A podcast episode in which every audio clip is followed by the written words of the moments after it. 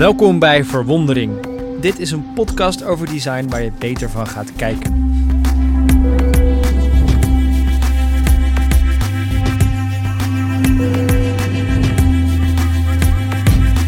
Mijn naam is Ernst Jan en mijn co-host is Harold Dunning. Harold is de oprichter van design studio Momkai. En elke aflevering vertellen Harold en ik elkaar over een ervaring die ons inspireerde. Samen verkennen we wat een ontwerp goed maakt. Want, geloven wij, door samen beter te kijken ga je meer zien. Nou, in elke aflevering hebben we een thema. En het is goed om te weten dat we eh, ook voor elke aflevering een mooie pagina maken op momkai.com slash podcast. Ik denk dat wij wel een van de meest visuele podcasts uh, ter wereld zijn, Arnold. Deze claim durf ik wel gewoon uh, te maken. Dit moeten we gewoon heel erg claimen. Ja, dit, ja. dit is namelijk een, het nummer één ding wat ik bij andere podcasts mis. Dus Welkom bij dat- de meest visuele podcast ter wereld. uh, momkai.com slash podcast dus. Uh, Harold, wat is het thema deze keer? Ah, Disney. Disney. Ja. Ah, lekker zeg. ja, en Ik, toen... voel, eh, ik word helemaal warm van binnen. Ja. Want we, gaan, we hebben het over de Disney van, van de Leeuwenkoning en zo. Was dat, Ehm. eh, wat was de eerste Disney film die jij zag? Nou, ik zat een beetje... Ik, ik denk Oliver en Co, maar die heeft toch niet zoveel indruk gemaakt. De, de, zeg maar de, de eerste... Ja, die is een beetje ondergesneeuwd geraakt. Die is, die is eh, van een paar jaar eerder voor eh The Lion King. Maar ja, The Lion King... Dat, Ja. is, dat is volgens mij... eh, die heeft zo'n grote indruk gemaakt. Mijn ouders hebben iets heel liefs en eigenlijk ook iets heel doms gedaan rond, rond de Leeuwenkoning, de Lion King. Want die hebben mij voor het eerst meegenomen naar de bioscoop eh, naar de Lion King. Ja. Dus toen was ik, dus de film is uit 94, dus toen was ik eh, acht. We gingen naar Tuzinski in de grote zaal en op het eerste balkon of zo. Mhm. En eh, dat was, dat is natuurlijk een fantastische ervaring als je voor het eerst naar de bioscoop gaat. Dat is echt, echt mooier kan niet. Nee, dus je bent de absolute top. Ja, dus ik heb daar enorm van genoten. En ik weet nog dat ik daarna naar buiten liep. En dat ik echt een soort, ja, een soort gevoel had van... ik ben weer terug in de normale wereld. Ja. Want ik was even op een magische plek. Maar het is, dat was heel lief, was een hele mooie ervaring. Maar wat, ze volgens, wat vervolgens niet zo handig daaraan was... is dat wij woonden toen niet in Amsterdam. We woonden eh, toen nog in Alphen aan de Rijn. Dus de paar, een paar maanden later dachten we van... eh, nou, we gaan weer naar de film. En, maar toen gingen we naar JT Cinema eh, in het centrum van Alphen. En ik, ik had gewoon als achtjarige in mijn gedachten... nou, we gaan weer zo'n majestueuze zaal in. En we komen daar binnen en het is echt... Nou, ik denk twee klaslokalen. En ik Mm. kan me nog steeds... Nou, dat is behoorlijk lang geleden. eh, 24 jaar geleden nog steeds een schok herinneren... van hoe lelijk dat kleine bioscoopzaaltje was. Goed, we dwalen af. Of ik dwaal af. Eh, Disney. Waarom, waarom hebben we hiervoor gekozen, Harold? Ja, volgens mij hebben we vooral om gekozen om Walt Disney. Ja, dus we kennen tegenwoordig Disney natuurlijk heel erg als eh, ja, een soort kolos. Ja. Ja. en, maar eigenlijk de, de, de, de koning, de keizer aller hitmakers. Eh. Acht van de tien populairste pretparken ter wereld zijn van Disney. Disney heeft eh, alle beroemde animatiefilms eh, in huis gemaakt. Heeft Pixar, heeft de recht op Star Wars, heeft de recht op Marvel Comics. bezit ESPN, de sportzender, bezit ABC. Ehm, echt een soort powerhouse. En, eh, Misschien is Disney ook het wel het bedrijf dat Netflix kapot gaat maken op een dag. Kunnen ze ook nog op een cv zetten. ja, of kopen. Kopen. Kijk, dat is het. Dat is het eh, zij, zij, zij, zij zijn een van de weinigen die rijk genoeg zijn om de rechten van Marvel of eh, Star Wars te kopen. Dat kan bijna niemand eigenlijk. En om daar weer munt uit te slaan. En ehm, je zou misschien niet bij design zo snel aan Disney denken. Je denkt natuurlijk aan animaties. En, maar ehm, het is eigenlijk eh, dankzij design hoe ze nog veel groter zijn geworden. En het zit verweven in van alles wat ze doen. Oké, dus dit is inderdaad een podcast over design. En we gaan dus nu met een designblik naar Disney kijken. We hebben allebei iets geselecteerd wat we mooi vinden aan het ontwerp van, van Disney. ja. Vertel, wat heb jij? Nou, ik vind sowieso het verhaal van Disney heel erg leuk. Er is een, er is een film op, eh, op Netflix, niet zo heel goede film, Walt Before Mickey. En dat gaat Walt over... Before Mickey? Ja, Oké. het is een beetje een soort straight-to-tv film. Ehm, maar het is wel heel erg leuk. Je zie je hoe die eh, elke keer eh, probeert het bedrijf op te bouwen. eh, maar heel moeite heeft om er geld aan te verdienen. Failliet gaat, het nog een keer probeert. De rechten liggen bij iemand anders. Van Oswald het konijn, wat, hij toen ont, wat ze toen maakte. Het werd hem ook niet. Toen heeft hij besloten... Oswald het konijn. Ja, dit, niemand kent het. en toen ehm is het opnieuw begonnen. Ehm, toen merkte hij eigenlijk, ik moet mijn broer erbij halen. Maar mijn broer is echt uh, commercieel savvy. En uh, ik ben gewoon artiest. Ik moet creëren. Ik ben creatief. Ik weet niet zoveel van geld. Um, en hij merkte altijd, ja, ik verlies die rechten. Niemand weet dat wij dit maken. Uh, we moeten het bedrijf uh, anders noemen. In welk decennium zijn we nu?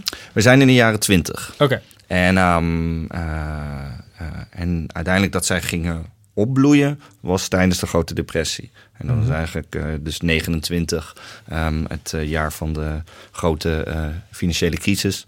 En, um, en terwijl ze aan het produceren waren, ze gingen dus Mickey Mouse filmpjes maken. En die raakten natuurlijk heel erg populair.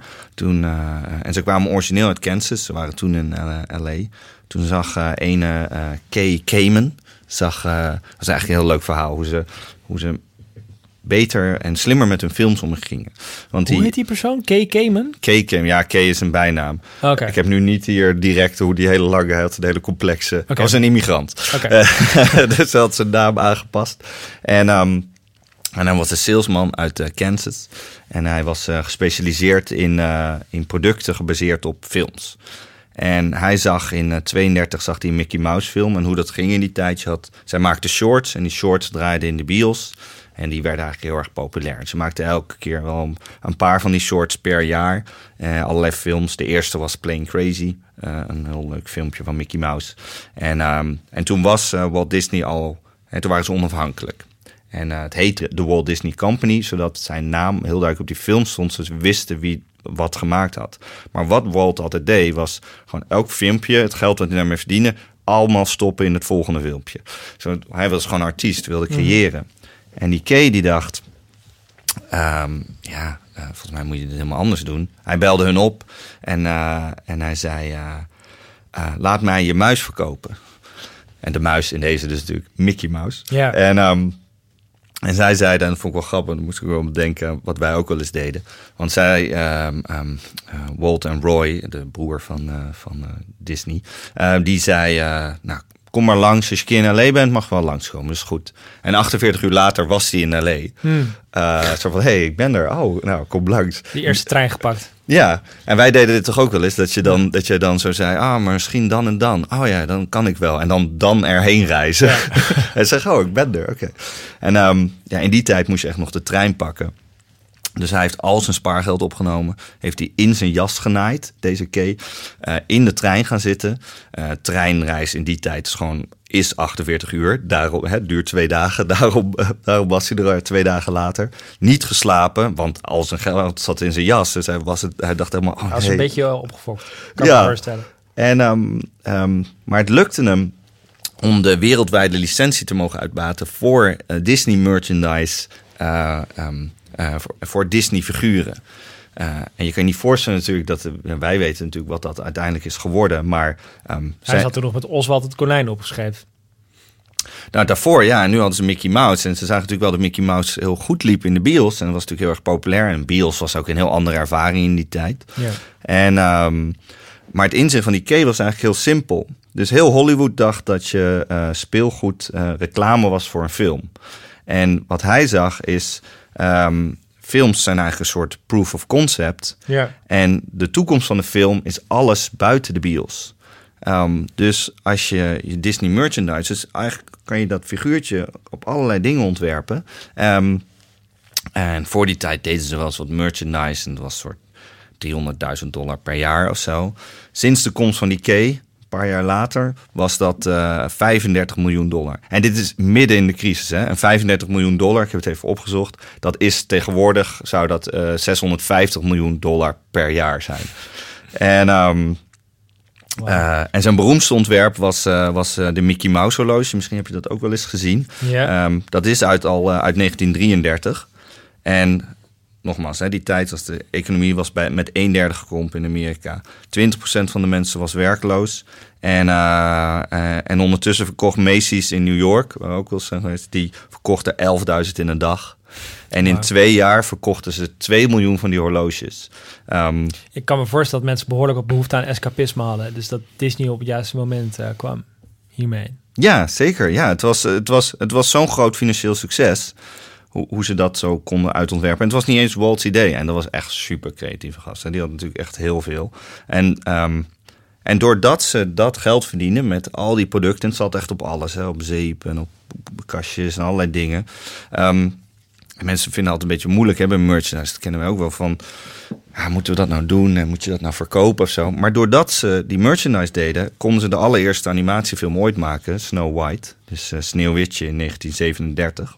En um, in de twee maanden nadat die uitkwam, uh, hadden ze al 2 miljoen gemaakt met uh, speelgoed verkopen, met alle toys eromheen. En dat is meer dan, dan de hele film in een jaar binnenhalen. Dus Sneeuwwitje is betaald van Mickey Mouse horloges en heeft zichzelf uiteindelijk terugverdiend met uh, poppen van Sneeuwwitje. Ja, en dat is wel grappig, want dat zie je wel vaker. Dat je, uh, dus je kan al dit speelgoed maken. Uh, um, uh, die, die Kay die zei het ook heel mooi. De, de, de, kunst van film is film. En de business van film is overal.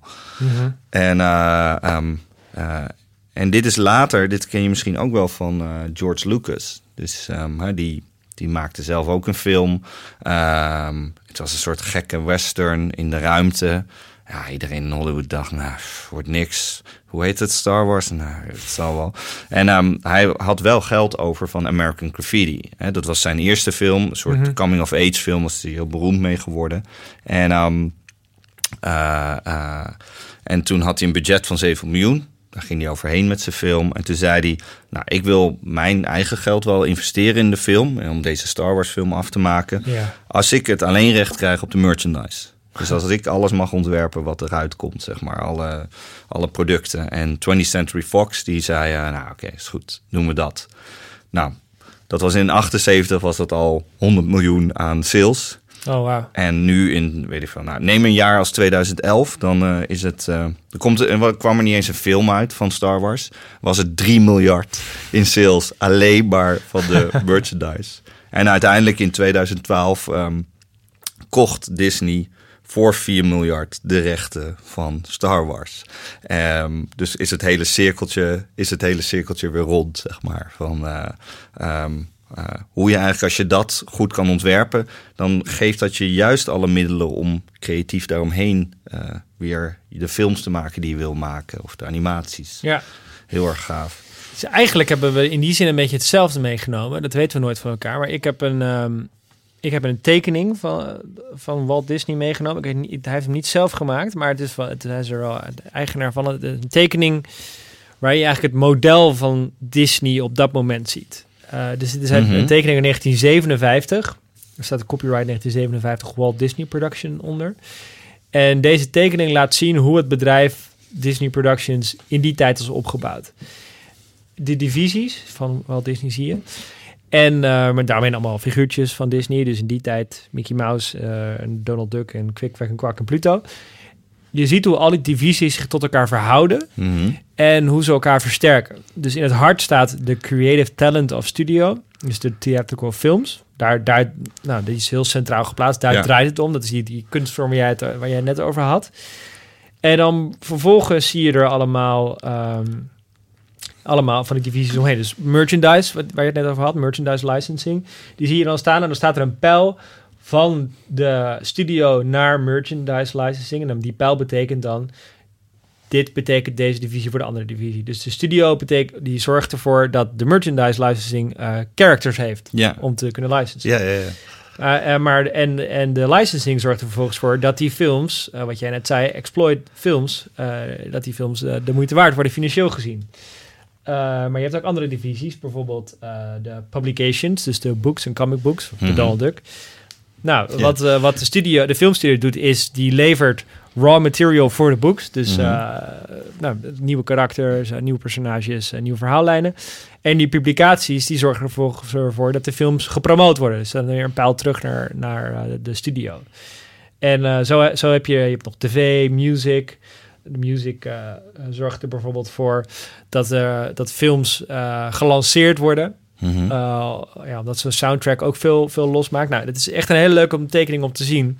En ik vind het ook altijd heel inspirerend voor, voor wat wij aan het doen zijn met de correspondent. Omdat je... Ja, omdat eigenlijk zie je in deze, zie je in deze tekening... Het gaat om het talent bij Disney. Ja. En uh, wat kun je daar vervolgens allemaal mee doen, zowel inhoudelijk als commercieel. Dus mede door, mede door deze tekening uh, vormde mede de inspiratie voor ons om een boekenuitgeverij ja, te doen ja. bij de correspondent. Dat is inhoudelijk heel logisch, want je doet als correspondent onderzoek op een platform en vervolgens na, een tijd, na verloop van tijd wil je die bevindingen samenvatten op een manier dat je de aandacht van de lezer langer vast kan houden dan bijvoorbeeld een kwartier, misschien wel een paar uur, 40.000 woorden lang. Nou, dus zijn we een eigen boekenuitgeverij mm. begonnen, wat een, een, logische stap is in het journalistieke proces. Maar commercieel is het natuurlijk ook heel interessant. Want uh, die boeken liggen door heel het land in allerlei winkels. Uh, zijn heel, een heel opvallend uh, ontwerp. nou, daar ben jij verantwoordelijk voor. Dus je kan zien dat al die, die, al die boeken bij elkaar horen. Dus het zijn eigenlijk ook allemaal reclame uitingen door het hele land. Inhoudelijke reclameuitingen. Er zit ook letterlijk in elk boek een boekenlegger waar staat... nou, dit boek is ontstaan de correspondent. Wil je het een keer proberen? Ik heb je een maand gratis. Dus promoot ook weer heel erg uh, de correspondent. Er zijn heel veel mensen die de correspondent leren kennen... via uh, bestsellers als Amerikanen lopen niet... of het best, dit is het best verkochte boek ooit. Dus inhoudelijk klopt het. En, en die, die boeken zorgen dus ook weer voor nieuwe leden. Ook leden die bepaalde kennis hebben. Want eh, daardoor, daardoor zijn ze dat specifieke boek gaan lezen. Mhm. En eigenlijk zou je dus ook voor de correspondent... zou je zo'n zo'n tekening kunnen gaan maken. We hebben ook gemerkt dat het niet altijd werkt. Dus hadden bijvoorbeeld ook een sprekersbureau. Ja. Er was ook een divisie erbij. En de gedachte was... Uh, die correspondenten die moeten het land in om te kunnen vertellen over wat ze uh, onderzocht hebben. Dat is inhoudelijk interessant. En vervolgens levert het ook weer geld op, want die, uh, de correspondent regelt het dan voor hen en vraagt daar een commissie over, over de sprekersfee als die er is. dus dat gaat ook weer terug. Maar daar merkten we bij de, dat dat niet werkt, omdat het uiteindelijk de correspondenten te veel afleiden. Hmm. dus um, dan waren ze door het hele land, maar dan hadden ze geen tijd meer voor de, voor de kern, namelijk het, het maken van de journalistiek. Dus dit model werkt eigenlijk alleen maar met een bepaalde schaalbaarheid. Nou, ik denk nog steeds dat dat wel kan werken. Alleen wij hadden toen nog niet misschien helemaal goed uitontworpen van hoe, hoe we dat zouden moeten opzetten. Want we zouden bij boeken hetzelfde kunnen zeggen.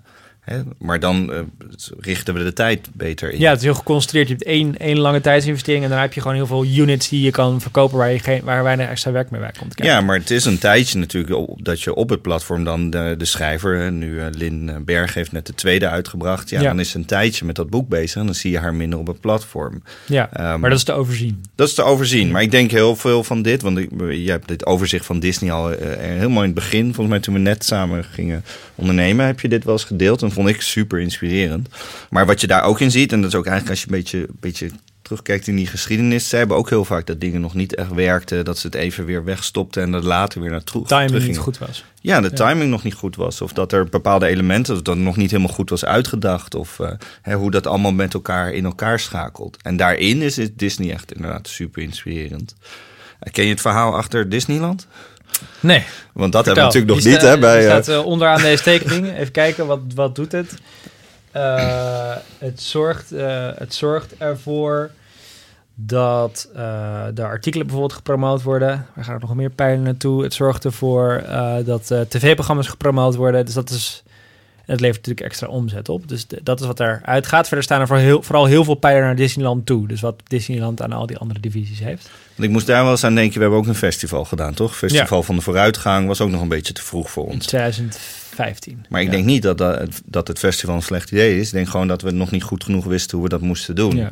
Uh, je zou het festival een mini, mini, mini deel van Disneyland kunnen noemen. Um, Disneyland is eigenlijk heel mooi. Hij, uh, Walt Disney had twee dochters. Ging vaak naar andere pretparken. Dacht natuurlijk de hele tijd, jezus, dit kan beter. Um, wat hij waarschijnlijk bij alles dacht. En in de jaren 40 um, ehm, kwam voor het eerst tv op. Je kan, je kan het je niet meer voorstellen, maar iedereen in Hollywood dacht ah, dit gaat wel voorbij. Een beetje zoals kranten naar internet keken. Oh, doe dit. Oké, nou, dat gaat wel voorbij. Terwijl Disney zag natuurlijk, hey, iedereen heeft gewoon een filmtheater in zijn eigen huis. Dat is zowel een kans om de films te promoten als al wat andere. En um, hij had al heel lang de droom om Disneyland te ontwerpen. Een soort heel pretpark en een soort, hele plek waar, um, waar je met de familie heen kon. Um, maar hij dacht ook dat is heel erg prijzig. En hij wilde al heel lang een televisieshow. En toen dacht hij, ah, hmm, hmm, misschien kan ik die combineren. En toen ging hij naar allemaal zenders uh, in, uh, in Amerika. Nou, de eerste twee zeiden nee. En de derde, uh, ABC, een hele grote zender, die zei in 52... nou, wij doen wel mee met Disneyland. Want hij zei dat die twee dingen horen samen. Ik mhm. wil namelijk Disneyland, de, het pretpark, opzetten. en ik wil een tv-programma. Met de naam Disneyland. Ja, dat, is, dat zie ik hier letterlijk in dit model terug. Ja, provides show settings and promotes programs. Ja, briljant natuurlijk. En dat kon natuurlijk ook nog gewoon in die tijd. Dus je moet je voorstellen, in die tijd, dit is 52, heb je nou, 26 miljoen mensen hadden een tv.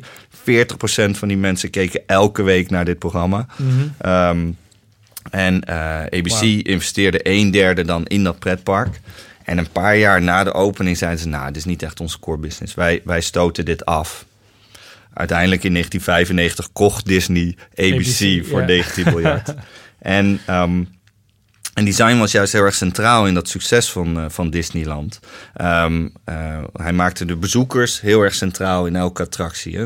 Wat wij natuurlijk ook wat je vaak merkt als je goed, goed, goede verhalen wil schrijven of goed producten wil ontwerpen, dat je heel erg vanuit die, eh, vanuit die schrijver denkt. Dus bijvoorbeeld neem een eh, Peter Pan's Flight of zo. Jij, je ziet geen Peter Pan, jij bent Peter Pan. Ze plaatsen je in die positie. Nou, uiteindelijk hebben ze daar een eh, heel bedrijf voor opgericht, Wet Enterprises, wat tegenwoordig Walt Disney Imagineering heet.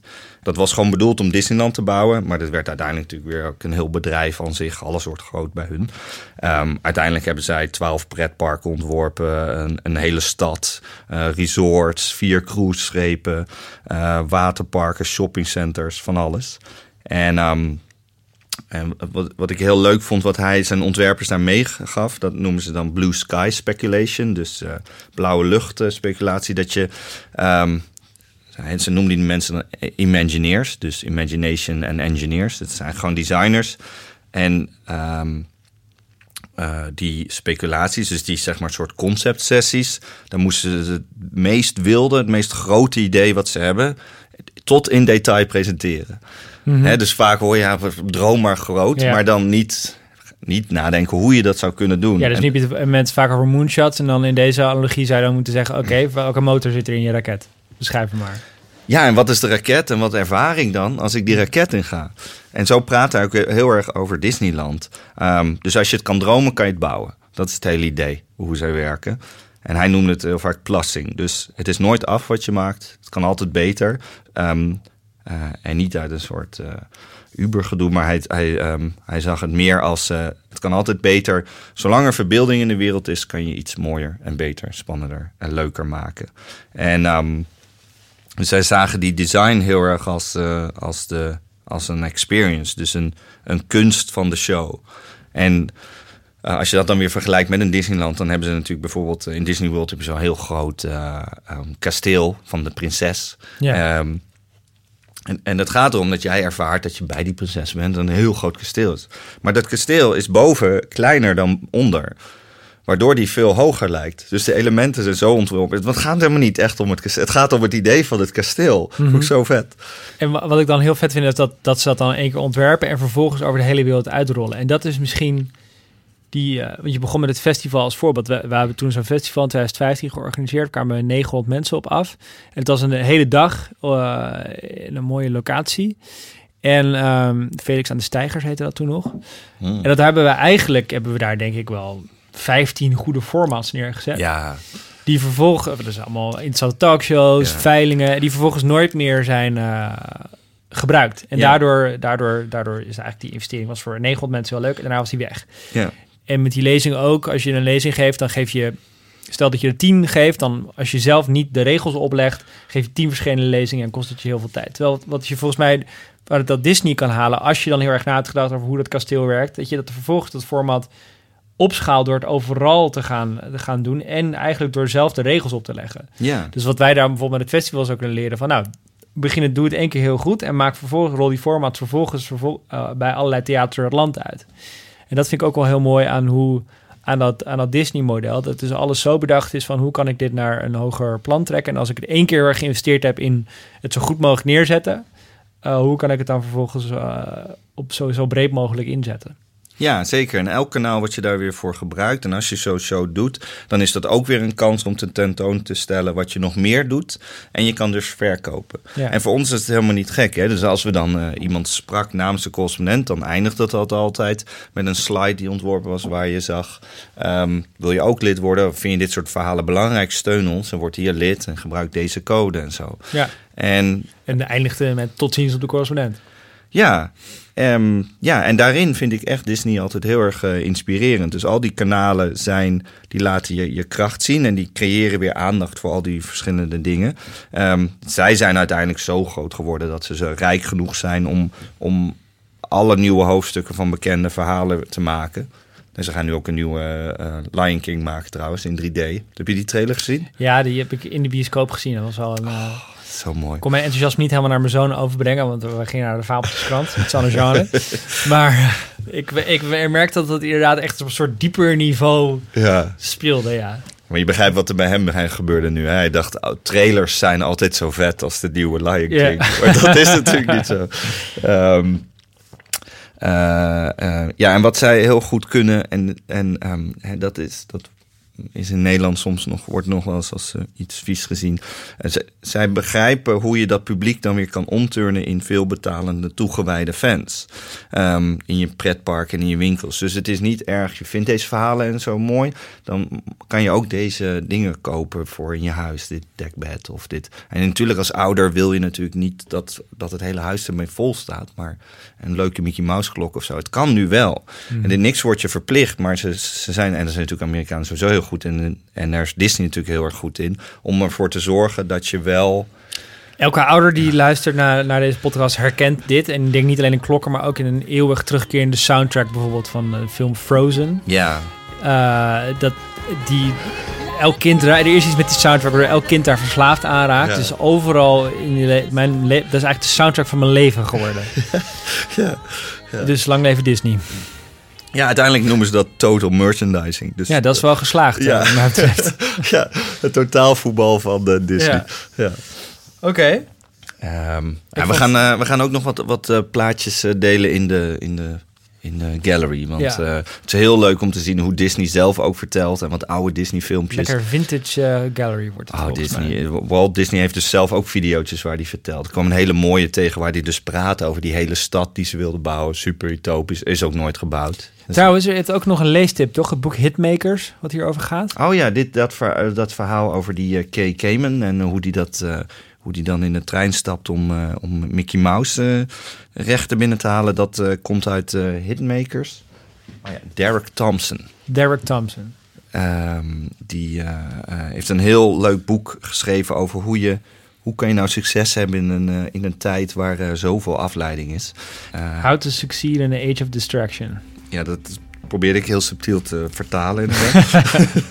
en, uh, het leuke is dat hij allerlei verschillende hits, ook een, uh, een Spotify of uh, NASA of ABBA of Star Wars of echt van allerlei hits, Fifty Shades of Grey. Hoe kon dat nou zo'n hit worden? En dat probeert te ontleden. hij is een schrijver voor The Atlantic. hij woont in New York en hij, ja, ik, ik, ik, had deze net uit en kan die heel erg aanraden. Oké, die zetten we ook in de gallery. Ja. Uh, verder, als je nog uh, suggesties, ideeën, opmerkingen hebt, laat het weten. Uh, dat kan via iTunes. Dan kan je een recensie achterlaten en ook een vraag stellen. Of een idee delen. Dat heeft Stefan Lafontaine bijvoorbeeld gedaan. Die heeft ten eerste ons op Valentijnsdag vijf sterren gegeven. Dus dat is ook heel ah, lief. Hartje.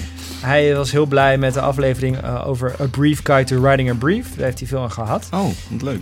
En hij is heel erg benieuwd naar uh, de praktische kant van het werken. Dus uh, in, een, in een ontwerpbureau. Tools, plugins, werkwijzes, et cetera. Uh, dat is een onderwerp waar ik ook heel erg warm van word. Dus ik, vre ik vrees okay. dat het terug gaat komen. Als je nou ook een idee hebt, ga naar iTunes en, en laat daar je suggesties achter. Tot de volgende keer. Doeg.